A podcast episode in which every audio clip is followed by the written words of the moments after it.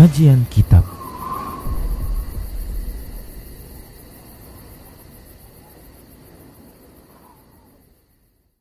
Bismillah, Assalamualaikum warahmatullahi wabarakatuh. Innalhamdulillah Nahmaduhu wa nasta'inuhu wa nasta'ghfiruh Wa na'udhu billahi min syururi anfusina Wa min sayyiati a'malina.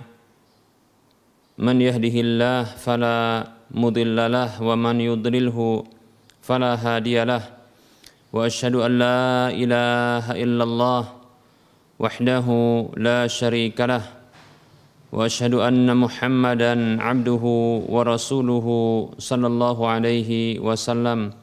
قال الله تبارك وتعالى يا أيها الذين آمنوا اتقوا الله حق تقاته ولا تموتن إلا وأنتم مسلمون.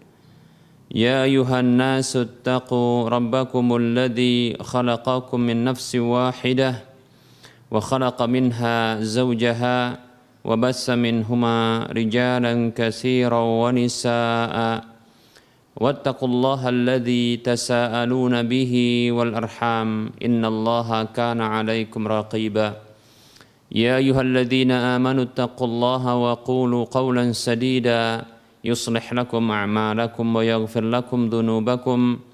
ومن يطع الله ورسوله فقد فاز فوزا عظيما. أما بعد فإن أصدق الحديث كتاب الله وخير الهدى هدى رسول الله صلى الله عليه وسلم وشر الأمور محدثاتها وكل محدثة بدعة وكل بدعة ضلالة وكل ضلالة في النار. الحمد لله Para pemirsa Rosya TV dan para pendengar Radio Binan Mengaji di mana saja Anda berada, kita bersyukur kepada Allah atas semua nikmat dan pemberiannya. Selawat dan salam tak lupa kita ucapkan untuk nabinya Muhammad sallallahu alaihi wasallam. Kita eh, kita masih membahas pembahasan akidah tauhid dalam bab al-wala dan al-bara seperti yang sudah kita bahas pada pertemuan yang lalu bahwa al-wala secara bahasa maknanya adalah kecintaan bantuan dan pertolongan serta adanya kedekatan. Adapun secara syar'i maksud dari al-wala adalah kecintaan kepada sesama kaum muslimin dikarenakan keimanan mereka, membantu dan menolong mereka, menasihati mereka dan berkasih sayang dengan mereka sekaligus memberikan hak-hak mereka. Inilah bentuk uh, makna dari al-wala. Baik para muslim rahimani wa rahimakumullah. Dan sesungguhnya wala ini kepada orang-orang muslim dari seorang muslim merupakan kewajiban karena wala ini merupakan bentuk salah satu dari hak muslim atas muslim yang lainnya. Baik para muslim rahimani wa rahimakumullah. Namun Terkadang kita dapatkan saudara-saudara kita seiman mereka jatuh ke dalam kemaksiatan. Maka para muslim rahimani wa rahimakumullah kecintaan kita dengan orang-orang muslim yang jatuh ke dalam kemaksiatan dan dosa serta pelanggaran baik itu ketika dia meninggalkan perintah-perintah Allah atau karena melanggar larangan-larangan Allah Subhanahu wa taala, maka kecintaan kita kepada seorang muslim yang demikian adalah setakar dengan keimanan dan kebaikan serta ketaatan yang ada pada dirinya. Dan kita membencinya sekadar dan setakar dengan kemaksiatan yang ada padanya. Demikian para muslim rahimani wa rahimakumullah uh, sikap cinta kita demikian pula sikap uh, walak kita kepada orang-orang muslim tidaklah membuat kita terhenti dari memberikan nasihat kepada mereka. Bahkan memberikan nasihat kepada mereka ini merupakan bentuk cinta juga kepada mereka.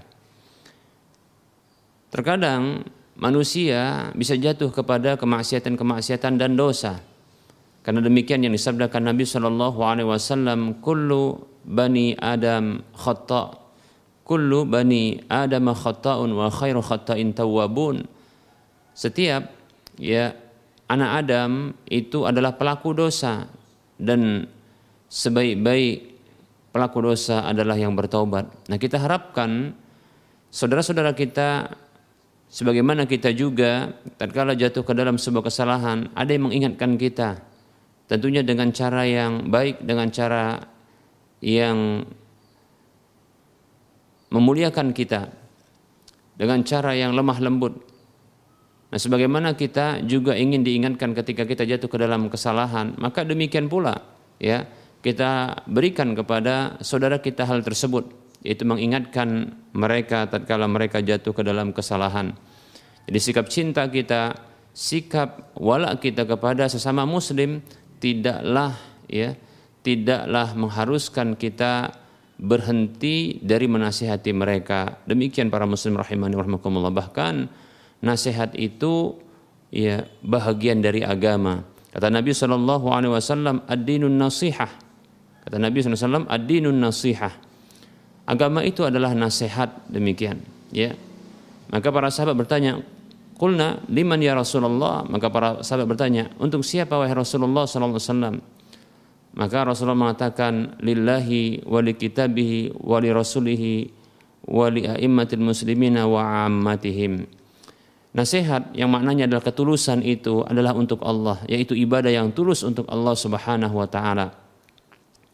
Kemudian wali kitabihi ya untuk kitab Allah Subhanahu wa taala yaitu tulus untuk mengikuti ketetapan kitab Allah Subhanahu wa taala, ketetapan yang terdapat dalam kitab Allah Subhanahu wa taala. Kemudian wali rasulihi wali rasulihi demikian pula ya nasihat itu untuk rasulnya maksudnya adalah an-nasihat bermakna ketulusan yaitu tulus untuk mentaati Rasulullah sallallahu alaihi wasallam. Kemudian uh, nasihat juga wali a'immatil muslimin ditujukan untuk pemimpin pemimpin kaum muslimin nasihat yang juga berasal dari ketulusan hati kaum muslimin untuk memberikan nasihat kepada pemimpin mereka dengan ketulusan yang ada ya, dari hati mereka. Kemudian wa'ammatihim demikian pula kepada seluruh kaum muslimin. Demikian para muslim rahimani wa rahimakumullah. Jadi nasihat itu adalah bagian dari agama para muslim rahimani wa rahimakumullah dan itu ditujukan juga kepada saudara-saudara seiman. Nah, para muslim rahimani wa rahimakumullah. Terkait uh, dengan kaum muslimin yang mereka terjatuh ke dalam berbagai pelanggaran-pelanggaran, maka sesungguhnya di antara pelanggaran-pelanggaran tersebut adalah kebid'ahan, ya.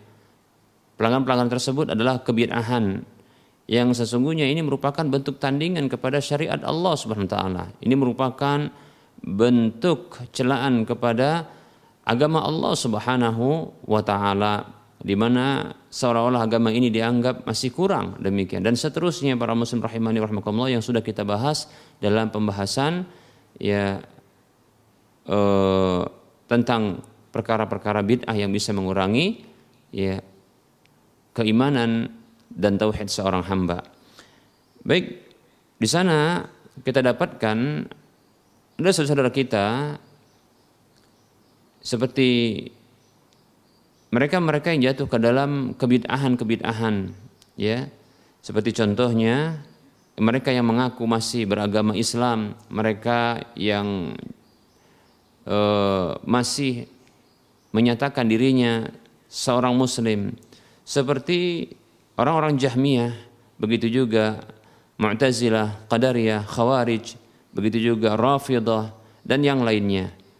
Maka sesungguhnya sikap kita terhadap orang-orang seperti ini ya dan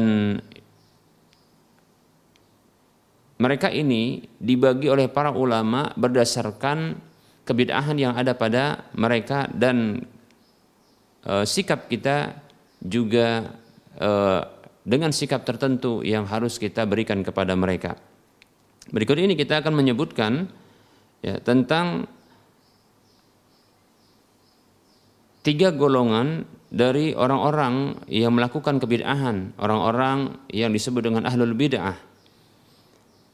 Yang dibagi oleh para ulama berdasarkan kebid'ahan mereka sekaligus ya e, sikap kita terhadap mereka. Baik, yang pertama para muslim rahimani wa rahimakumullah adalah pelaku bid'ah yang mereka mengajak kepada kebid'ahan mereka. Pelaku bid'ah yang mereka mengajak kepada kebid'ahan mereka. Menampakkan kebid'ahan tersebut.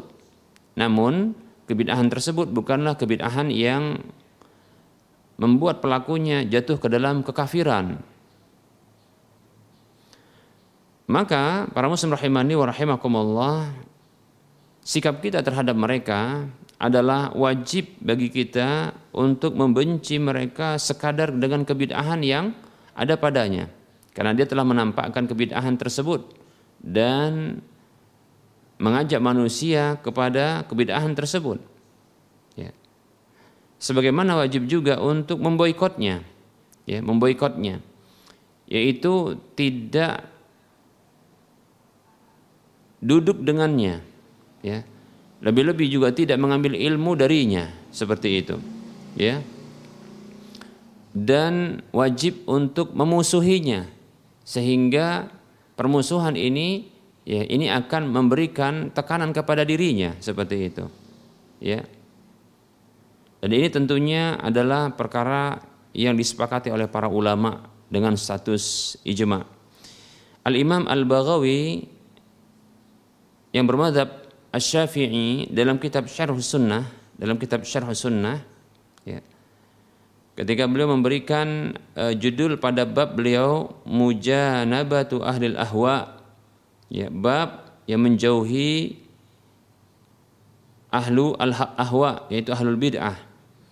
Di juz yang pertama di halaman 226 dan 227 setelah beliau menyebutkan hadis Ka'ab bin Malik radhiyallahu anhu di mana Nabi sallallahu alaihi ya memboikot beserta dengan para sahabat beliau radhiyallahu anhum Nabi dan para sahabat radhiyallahu anhum Nabi sallallahu alaihi wasallam dan para sahabat radhiyallahu anhum mereka memboikot Ka'ab bin Malik beserta dengan dua orang sahabatnya yang mereka ini tidak turut serta dalam perang Tabuk ya. Maka Imam Al-Baghawi menyebutkan keterangan ya penjelasan tentang hadis ini dalam kitab tersebut hada hadithun sahihun. Ini adalah hadis yang sahih. Wa fihi dalilun ala anna hujrana ahlil bid'ah ala ta'bidi. Dan di dalam hadis ini terdapat dalil yang menunjukkan bahwa ya memboikot ahlul bid'ah itu berlaku selamanya. Wa qad madatis وقد مضت الصحابة رضي radhiyallahu anhum wa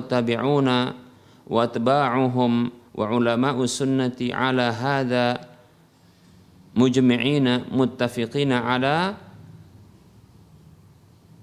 mujmi'ina أهل البدع بدع بدع bid'ah bid'ah bid'ah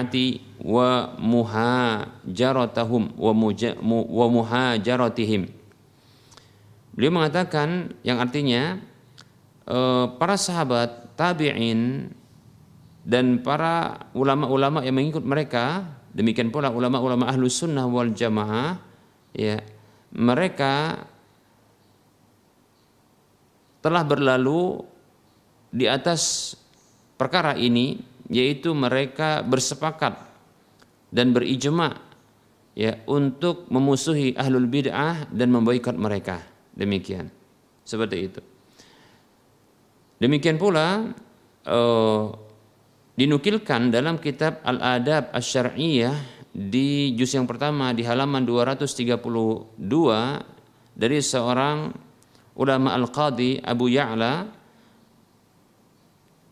Beliau menukilkan tentang adanya ijma para sahabat dan tabi'in ya untuk tidak duduk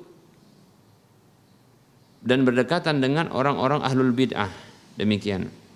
Demikian pula hal yang sama dinukilkan oleh Al-Imam As-Sabuni dalam kitab akidah beliau di halaman e, di juz yang pertama di halaman 132. Demikian para muslim rahimani wa rahimakumullah. Nah, nah ini kesepakatan para ulama untuk tidak ya duduk bersama dengan mereka, ya menjadikan mereka ini sebagai teman, ya apalagi mengambil ilmu dari mereka. Demikian. Mengapa demikian? Nah, karena kekhawatiran karena mereka ini mengajak kepada kebid'ahannya bahkan menampakkan kebid'ahan tersebut sehingga kita harus berhati-hati kepada mereka, ya. Kita harus berhati-hati ya dengan mereka. Demikian. Uh,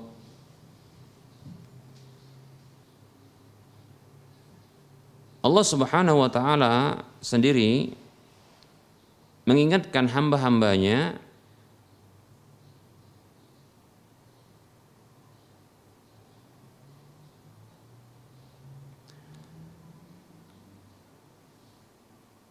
Di dalam surah Al-An'am ayat 20 eh, ayat uh, ayat ke-68 Allah mengatakan yang ayat ini ditujukan kepada Nabi Muhammad SAW namun tertuju juga kepada kita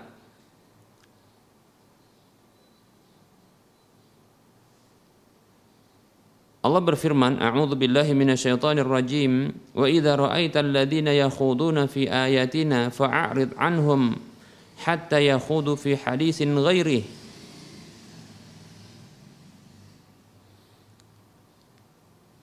Allah berfirman yang artinya apabila engkau melihat orang-orang yang membahas terlalu mendalam ya sampai ini bisa menyimpang tentang ayat-ayat kami maka berpalinglah dari mereka. Lihat diperintahkan oleh Allah untuk berpaling dari mereka sampai mereka membahas ya dalam pembahasan yang lainnya demikian. Begitu juga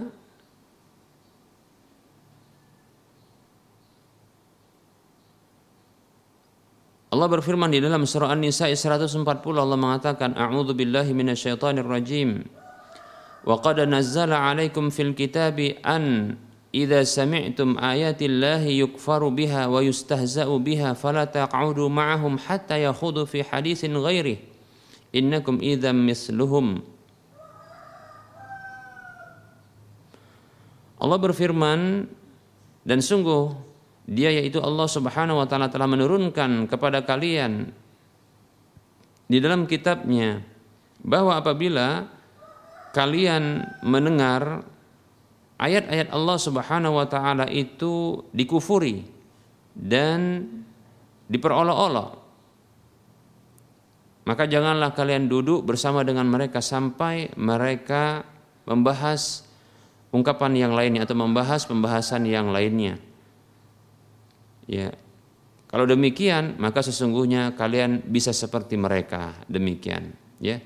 Baik para muslim rahimani wa rahimakumullah. Nah, para ahlul bid'ah tentunya mereka ya tidak berjalan di atas petunjuk Al-Qur'an. Andaikan mereka pun membahas atau memberikan dalih dalil dari Al-Qur'an, maka sesungguhnya Al-Quran tersebut tafsirnya atau takwilnya mereka karang sendiri sesuai dengan hawa nafsu mereka. Demikian ya. Menyimpang dari pemahaman Rasulullah SAW dan para sahabat-sahabat radhiyallahu anhu majma'in. Itulah bentuk memperolok-olok ya ayat-ayat Allah Subhanahu wa taala. Itulah merupakan bentuk mengkufuri ayat-ayat Allah Subhanahu wa taala oleh karenanya kita diperintahkan oleh Allah Subhanahu wa taala untuk tidak duduk ya bersama dengan mereka demikian ya. Lebih-lebih mengambil ilmu dari mereka. Baik para muslim rahimani wa rahimakumullah.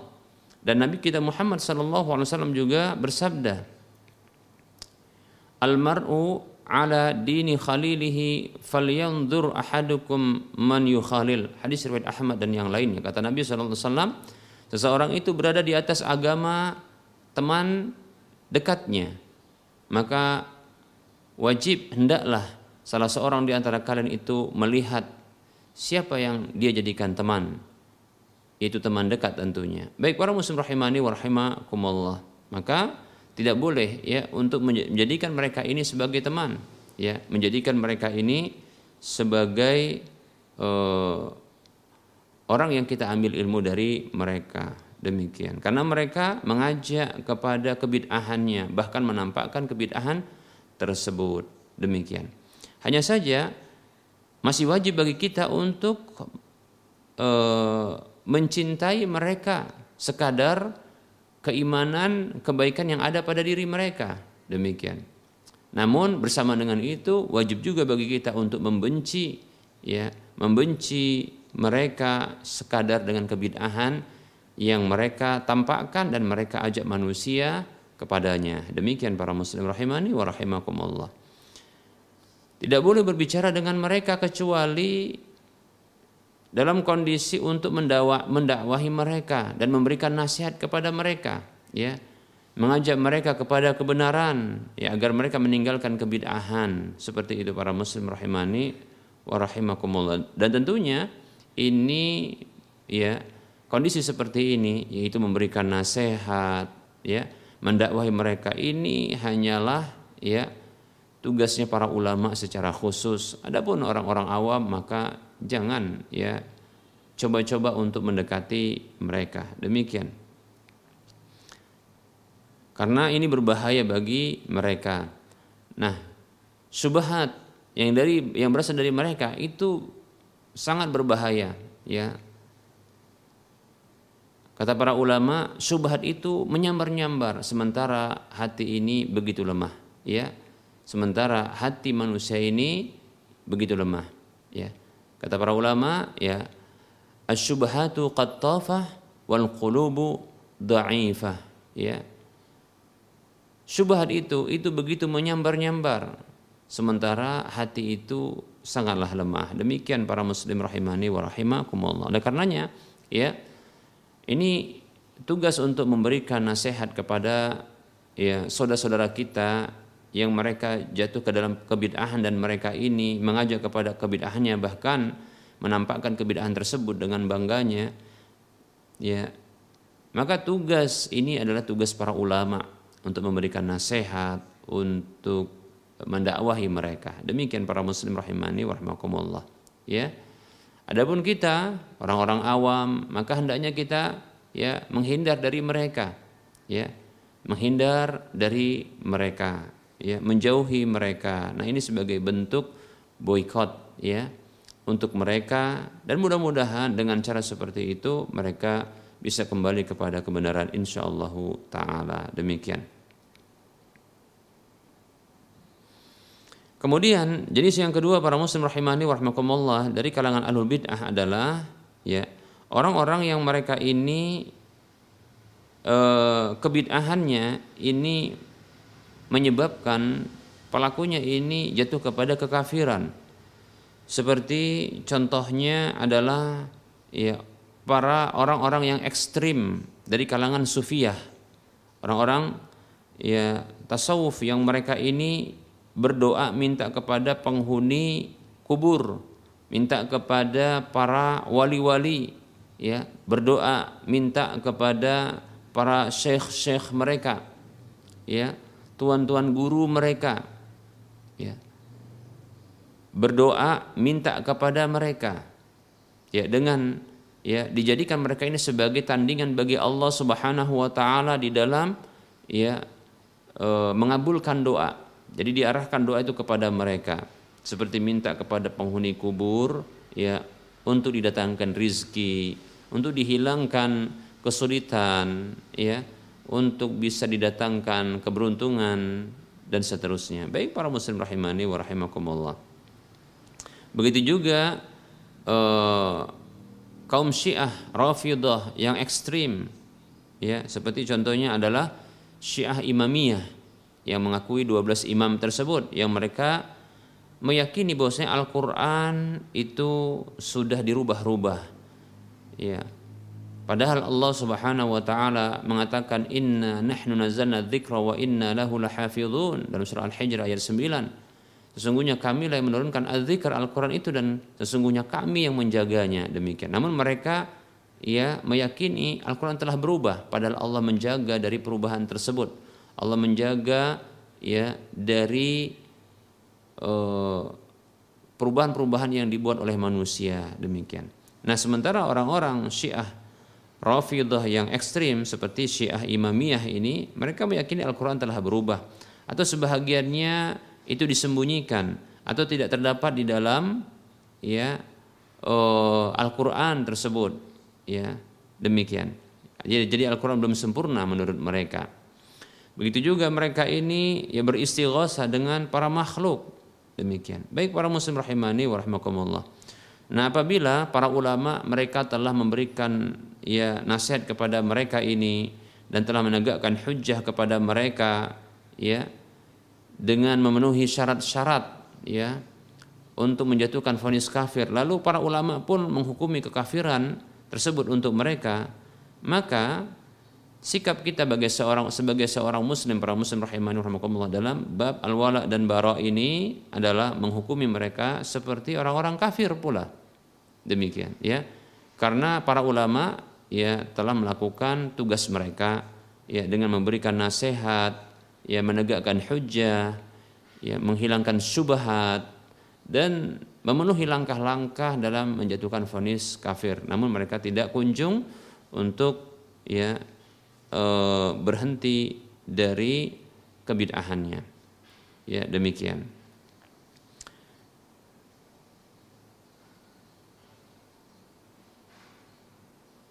Baik para muslim rahimani wa rahimakumullah. Nah, tentunya yang seperti ini ya ini tugas para ulama ya, tugas para ulama untuk ya melakukan eh, penegakan hujjah kepada mereka, menghilangkan syubhat mereka, ahlul bidah seperti ini maksudnya, ya. Itu tugas para ulama untuk menasihati mereka, ya, untuk memberikan e, penegakan hujjah kepada mereka, ya. Semua langkah-langkah dalam vonis kafir tersebut ini dilakukan oleh para ulama dan apabila para ulama telah memutuskan ya e, kekafiran mereka tersebut, maka kita sebagai seorang muslim pun wajib untuk menyatakan demikian ya. Seperti itu. Wallahu taala alam. Kemudian para muslim rahimani wa rahimakumullah. Jenis yang ketiga ya dari pelaku bid'ah adalah mereka yang menyembunyikan bid'ahnya dan tidak mengajak manusia kepada bid'ahnya tersebut ya dan tidak menyatakan baiknya dari kebid'ahan yang mereka lakukan itu. Ya. Tidak menyem, e, tidak memuji orang-orang melakukan bid'ah tersebut. Dan tidak membangkitkan sebagian syubhat-syubhat untuk menguatkan bid'ah tersebut. Maka para muslim rahimani wa rahmakumullah ya sikap kita terhadap mereka ini ya adalah seperti sikap kita terhadap seorang pelaku maksiat yang menyembunyikan kemaksiatannya ya Nah tentunya dikarenakan ketidaktahuan kita terhadap mereka, ya maka kita seperti ya menyikapi kaum muslimin yang lainnya, ya. Maka kita penuhi hak-hak mereka, ya. Kita tidak boleh memboikot mereka, ya. Kita masih mengucapkan salam kepada mereka, ya. Kita masih duduk, ya, ya jika ada keperluan dengan mereka tentunya seperti itu, ya. Nah ini uh, tiga jenis orang-orang yang jatuh ke dalam kebid'ahan. Ya tiga jenis ya orang-orang yang melakukan kebid'ahan. Tiga jenis orang-orang yang berinteraksi dengan kebid'ahan. Demikian ya. Sekaligus sikap sikap kita ya terhadap masing-masingnya uh, mereka ini. Demikian ya. Baik para muslim rahimani wa rahimakumullah. Nah ini uh, pembahasan kita pada pertemuan kali ini. Insya Allah taala pada waktu mendatang kita akan lanjutkan uh, untuk membahas ya uh, satu prinsip lagi dalam agama kita yaitu tentang al-bara ya al-bara. Ya, kita akan bahas insya Allah taala pada waktu mendatang dan berikutnya kita akan masuki sesi soal jawab.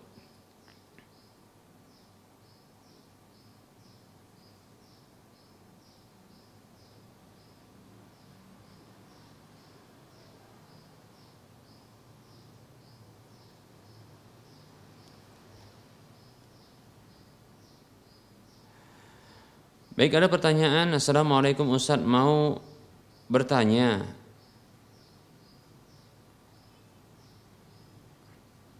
Sampai mana bacaan tahiyat awal? Ya tahiyat awal maksudnya adalah tasyahud awal ya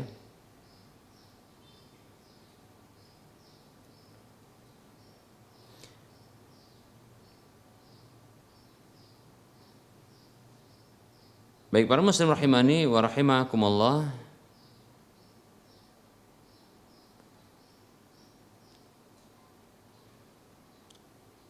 Kita akan jawab insyaallah taala.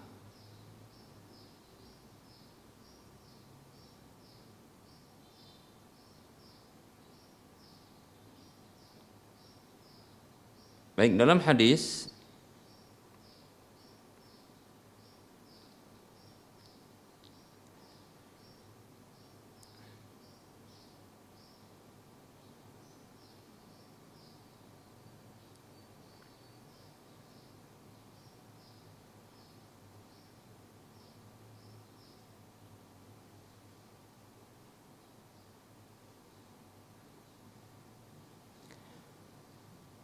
Baik, Waalaikumsalam warahmatullahi wabarakatuh. Dalam hadis yang diriwayatkan oleh Imam An-Nasai dan disahihkan oleh Syekh Al-Albani rahimahullahu taala dalam Irwaul Ghalil dari sahabat Abdullah bin Mas'ud radhiyallahu anhu dijelaskan dalam hadis tersebut ya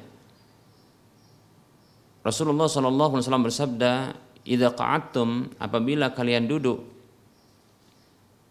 di rakaat yang kedua maksudnya ya maka bacalah disebutkan bacaan tersebut bacaan tahiyat ya at-tahiyatu lillah wassalawatu wat tayyibat assalamu ala assalamu alayka ayuhan nabi wa rahmatullahi wa barakatuh. Assalamu alayna wa ala ibadillahi salihin asyhadu an la ilaha illallah wa asyhadu anna muhammadan abduhu wa rasuluh. Sampai di sini ya ini adalah bacaan tahiyat. Kemudian Rasulullah mengatakan, kemudian hendaklah salah seorang di antara kalian memilih doa yang paling menakjubkan bagi dirinya. Demikian. Nah, ini e, bacaan tahiyat awal atau tasyahud awal hanya sampai kepada ungkapan ini, ya. Yaitu asyhadu alla ilaha illallah wa asyhadu anna muhammadan abduhu wa rasuluh demikian ya. Namun wallahu taala alam saya condong bolehnya dan bahkan termasuk disunahkan pula untuk membaca e, salawat setelah itu boleh ya. Dan dalam hadis yang kita sebutkan riwayat An-Nasai ini dianjurkan juga untuk berdoa setelah melakukan tasyahud awal demikian wallahu taala a'lam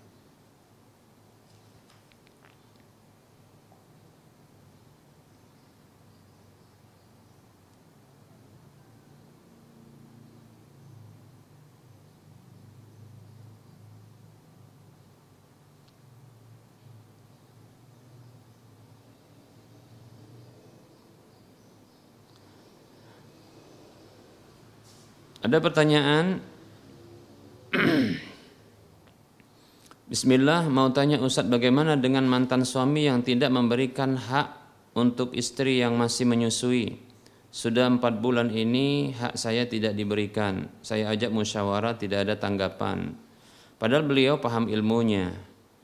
Waktu saya sharing ke Ustadz yang dekat dengan beliau alasannya tidak mau bahas dengan saya karena ingin menjaga kehormatan dia dan saya. Dan ustaznya bilang agar saya kasih udur. Tapi sampai kapan saya beri udur untuknya karena sudah empat bulan hak saya tidak diberikan. Saya bingung. Dia takut timbul fitnah dengan saya tapi dia sendiri tidak takut karena tidak memberikan hak saya. Mohon pencerahannya Ustaz. Jazakallahu khairan.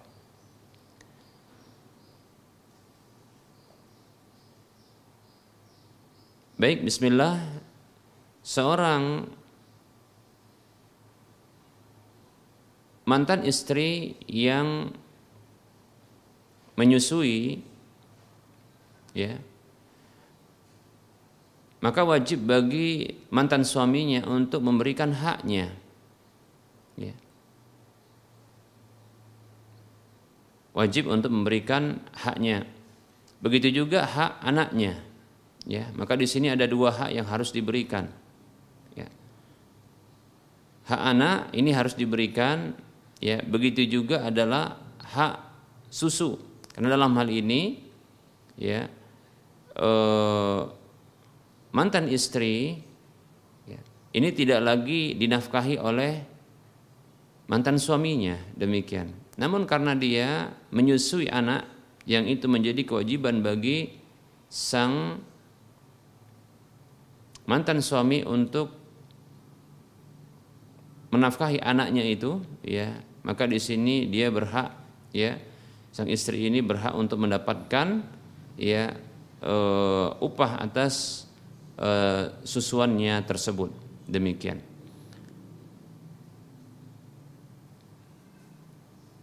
Dan ini diterangkan di dalam Al-Qur'an ya tentunya. Ya. Dan susuan tersebut ya itu selama dua tahun ya wal walidatu yurdi'na auladahunna haulaini kamilain. Ya. Itu para ibu menyusui anak-anak mereka yaitu selama dua, dua tahun. Ya, siang sempurna seperti itu. Baik ya. Dan berhak bagi sang mantan istri ini untuk mendapatkan upahnya. Jika sang mantan istri ini e, menuntut haknya tersebut namun Allah taala alam e, apabila sang mantan suami ini memberikan ya sejumlah uang yang ini barangkali uh, uang yang gabungan antara uh, hak dari anaknya begitu juga istrinya maka ini sudah mencukupi insya Allah taala. Lebih-lebih mungkin dalam usia yang masih menyusui ini sang bayi itu belum makan ya juga belum minum ya Uh, namun barangkali yang dibutuhkan adalah uh, pakaian anak tersebut ya, ini harus diberikan ya. Nah, namun uh, sepertinya belum banyak melakukan pergantian pakaian di waktu usia seperti ini ya. Nah, tentunya dalam pemeliharaan ya begitu juga uh, susuan tersebut ya ini tentunya uh, dibutuhkan orang yang akan melakukan ya pemeliharaan tersebut serta memberikan asinya. Oleh karenanya wajar ya secara akal e, orang yang menyusui begitu juga orang yang melayani keperluan anaknya yang wajib bagi ayahnya untuk memberikan nafkahnya ini berhak untuk ya orang tersebut mendapatkan kompensasi pembayaran ya atau upah dari pemeliharaan itu. Ya wallahu taala a'lam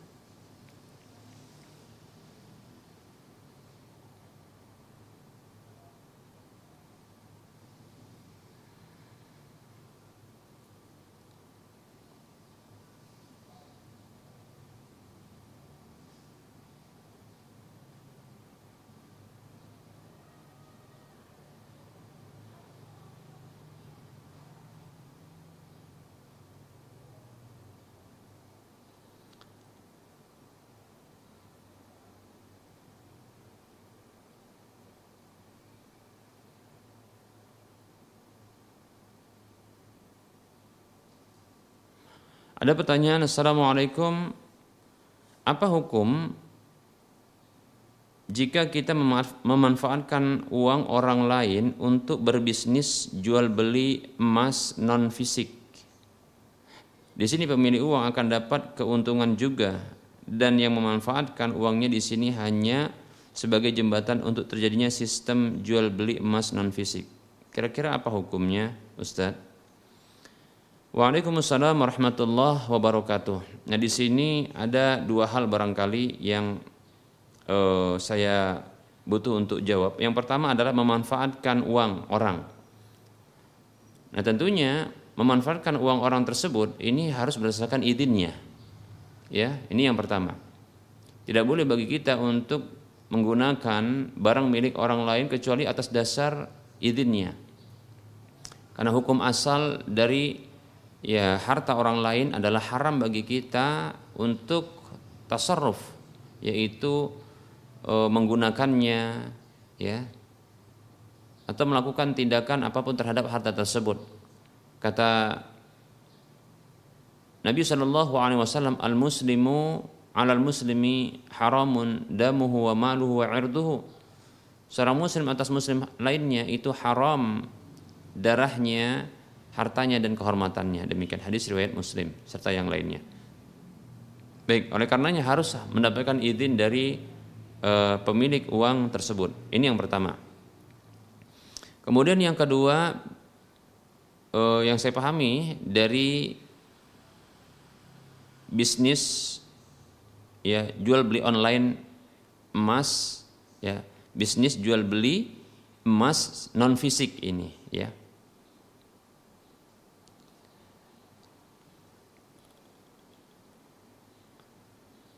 Nah tentunya jual beli emas non fisik ini sepertinya e, tidak ada serah terima langsung emas tersebut ya. Karena non fisik atau mungkin maksudnya adalah jual beli online ya. Perlu kita ketahui bahwasanya emas merupakan salah satu barang-barang ribawi. Demikian pula uang ya. Mata uang itu dikategorikan kepada emas dan perak. Karena kedua-duanya ya atau e, yaitu mata uang dengan emas serta perak ya ini ada kesamaan di dalam e, fungsional yaitu dia sebagai alat tukar. Ya, para ulama jumhur ulama mereka menyamakan hal ini. Dan ini termasuk disebut dengan barang-barang ribawi yaitu barang-barang yang apabila ditransaksikan dijual belikan tanpa memenuhi syarat-syarat syar'inya maka jatuh kepada hukum riba. Demikian. Nah di sini e, jual beli emas yaitu membeli emas ya dengan uang. Maka di sini dipersyaratkan oleh para ulama harus kontan yaitu ada serah terima di majelis akad ya. Serah terima di majelis akad. Serah terima langsung di majelis akad Demikian ya. Berdasarkan hadis dari Ubadah bin Samit radhiyallahu anhu Hadis yang dikeluarkan oleh Imam Muslim dalam kitab sahihnya Nabi kita Muhammad sallallahu alaihi wasallam bersabda Ya adz-dzahabu bil-dzahabi wal fiddatu bil fiddati wal burru bil burri wasy-sya'iru bis sya'iri wat tamru bit tamri wal milhu bil milhi mislan bi mislin sawa'an bisawin yadan biyadin. Kata Nabi sallallahu alaihi wasallam ya emas dengan emas ini sejenis, perak dengan perak maksudnya sejenis dalam tukar menukar atau barternya demikian. Biji merah dengan biji merah, gandum dengan gandum, kurma dengan kurma, garam dengan garam. Maka syaratnya adalah sama dalam timbangan dan sama dalam takaran, yaitu sama dalam nilainya. Itu sama dalam kuantitasnya. Kemudian ia dan biadin kontan. Lalu Nabi SAW menyebutkan Faidah talafat hadhil asnafu maka apabila berbeda jenis-jenis ini tapi masih dalam satu kategori seperti contohnya emas dengan perak disamakan dengan itu berarti alat tukar seperti membeli ya emas ya dengan rupiah membeli perak dengan dolar contohnya demikian seperti itu. Atau emas dengan perak sendiri yang ditukar. Atau antar bahan makanan ya yang ini masih dalam satu kategori bahan makanan pokok yang bisa disimpan, ditakar dan ditimbang, ya. Seperti contohnya gandum dengan kurma, ya. Berbeda jenis-jenis ini. Begitu juga disamakan dengan itu seperti beras, beras dengan kurma, ya.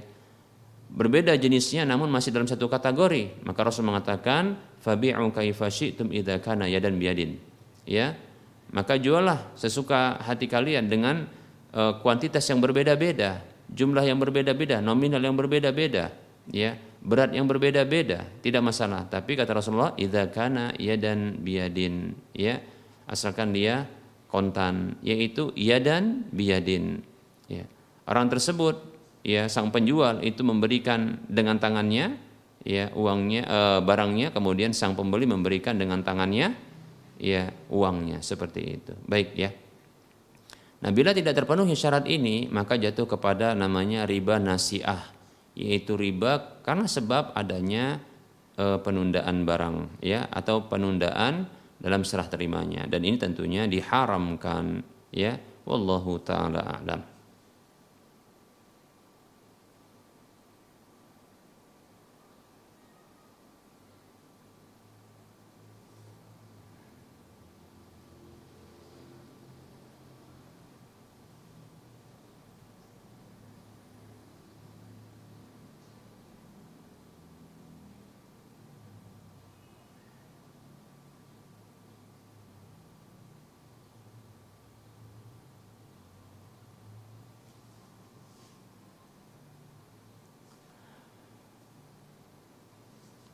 Ada pertanyaan, Assalamualaikum.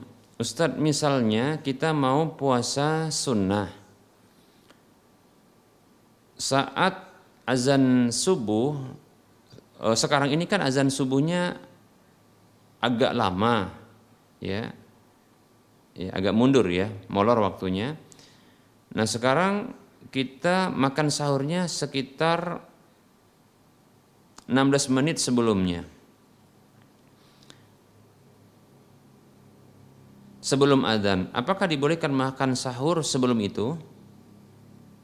Baik ya. Waalaikumsalam warahmatullahi wabarakatuh.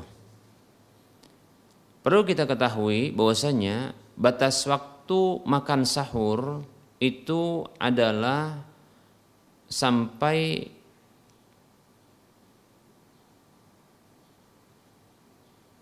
masuknya waktu subuh.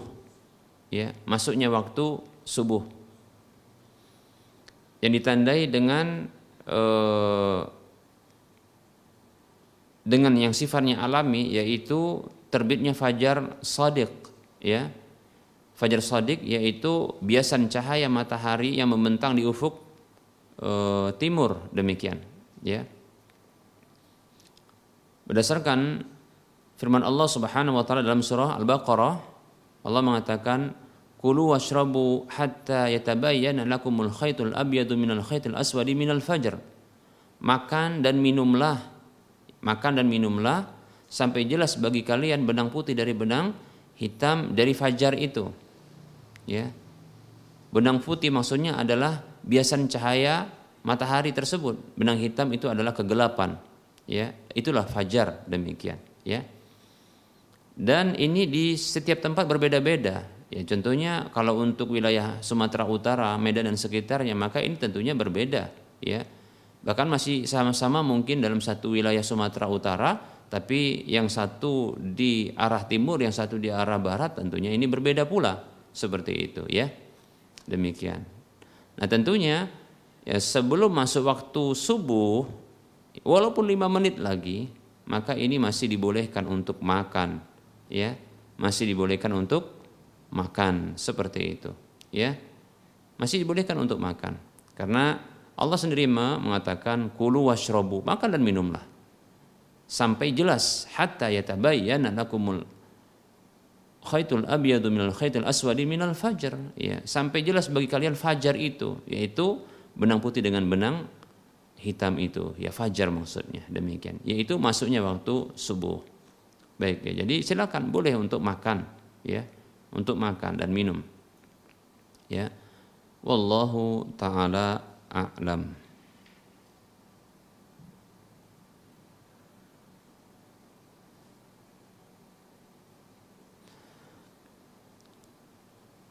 Ada pertanyaan Assalamualaikum warahmatullahi wabarakatuh Ustadz bolehkah berdoa saat sujud ataupun pada tasyahud akhir menggunakan bahasa Indonesia dan dijaharkan atau diucapkan bacaannya ya. Bukan dalam hati maksudnya. Baik. Waalaikumsalam warahmatullahi wabarakatuh. Para ulama berbeda pendapat tentang hukum ya menggunakan bahasa ajam ketika dalam sholat ya yaitu dalam doa ya. Kita dianjurkan ya untuk berdoa ketika sujud. Begitu juga di penghujung dari tasyahud awal, begitu juga di tasyahud akhir demikian, ya. Namun para ulama berbeda pendapat ya tentang bahasa ajam itu bahasa selain Arab ya dibacakan doa tersebut di dalam sholat tersebut ya. Nah, ada yang membolehkan, ada yang membolehkan berdasarkan eh, kemutlakan dari hadis yang datang tentang anjuran berdoa. Ya. Seperti hadis dalam sujud ya tentang sujud. Nabi SAW bersabda aqrabu ma yakunul abdu min rabbihi wa huwa sajid fa du'a. Kondisi yang paling dekat seorang hamba dengan Robnya adalah dalam kondisi sujud, maka perbanyaklah doa Demikian. Ini diperbanyak doa tanpa menyebutkan bahasa yang digunakan seperti itu ya. Nah, sehingga dibolehkan kata mereka. Pendapat yang lain mengatakan tidak boleh ya menggunakan bahasa bahasa ajam itu bahasa selain Arab demikian. Seperti itu. Ya. Tidak boleh. Ya. Berarti harus dengan bahasa Arab. Ya, harus dengan bahasa Arab. Bahkan ada pendapat yang lebih e, ketat yaitu tidak boleh menggunakan eh, doa-doa e, selain dari doa-doa yang maksur. Nah, seperti itu. Selain dari doa-doa yang maksur dari Nabi sallallahu alaihi wasallam. Taala alam, saya condong ya bahwasanya boleh berdoa di dalam sholat tersebut di waktu-waktu atau kondisi-kondisi yang mustajab doa tersebut seperti sujud dalam kondisi sujud di penghujung e, dari tasyahud awal begitu juga di penghujung tasyahud akhir sebelum salam. Untuk berdoa ya dengan doa apa saja baik itu yang dari yang maksur dalam hadis-hadis Nabi SAW ya maupun yang e, diinginkan oleh orang tersebut asalkan doanya minta kepada Allah dan dipenuhi adab-adabnya. Dan syaratnya satu lagi adalah harus dengan berbahasa Arab. Wallahu taala alam. Ya wallahu taala alam. Jadi harus dengan bahasa Arab tentunya ya. Sehingga saya tidak condong kepada e, pendapat pertama yang mengatakan bolehnya untuk menggunakan bahasa ajam termasuk bahasa Indonesia ya. Tidak boleh demikian dalam satu hadis disebutkan inna hadhihi salata la yasluhu syai'un min kalamin nas. Ya, sesungguhnya salat ini tidak layak sedikit pun dari perkataan manusia. Wallahu taala a'lam.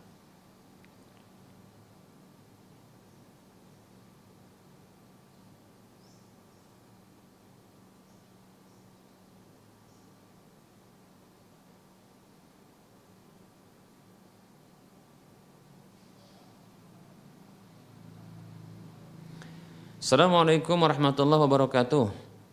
Ustaz mau bertanya Ustaz, di sebelah rumah saya ada musola, lalu di dekat rumah tersebut ada juga e, bandar sabu, ya. Sejumlah e, sajadah tirai dengan plafonnya itu berasal dari uang bandar sabu tersebut. Ya, bagaimana hukumnya? Apakah sah sholat di musola tersebut, Ustaz? Ya. Nah, tambah lagi ini mau menginfakkan bola lampu untuk di kamar mandi musola. Syukran Ustaz, jazakallahu khairan. Waalaikumsalam warahmatullahi wabarakatuh. Afwan wa anta fajazakallahu khairan. Baik. Ya, tentunya uh, uang ataupun barang seperti tadi karpet ya, begitu juga uh, bola lampu, bola lampu plafon dan seterusnya, tirai, sajadah. Ini tentunya suci zatnya, hanya saja cara perolehannya yang haram kan begitu ya. Baik ya, ini kembali kepada eh, hukum menerima pemberian ya dari atau pemberian berupa hadiah atau apa saja yang suci secara zatnya namun haram secara perolehannya. Para ulama berbeda pendapat tentang masalah ini. Ya, uh, ada yang mengharamkan secara mutlak, ya, ada yang membolehkan secara mutlak. Saya condong ya dengan merinci, yaitu secara zat maka ini adalah suci halal secara zat karena uang, plafon, tirai, sajadah, bola lampu dan seterusnya apa saja yang diberikan seperti makanan juga kalau seandainya memberikan makanan itu hukum asalnya adalah e, suci dan halal maka berdasarkan hukum asalnya maka suci dan halal pula. Demikian. Adapun perpindahan e, adapun cara perolehannya adalah haram. Ya. Nah perpindahan kepemilikan dari orang yang melaku, yang membuat atau yang mengusahakan cara yang haram tersebut lalu diarahkan kepada orang yang tidak mengusahakannya ya atau pihak yang tidak mengusahakannya maka di sini e, perubahan kepemilikan tersebut dengan cara hibah, hadiah, pemberian atau jual beli kita katakan, maka di sini adalah halal.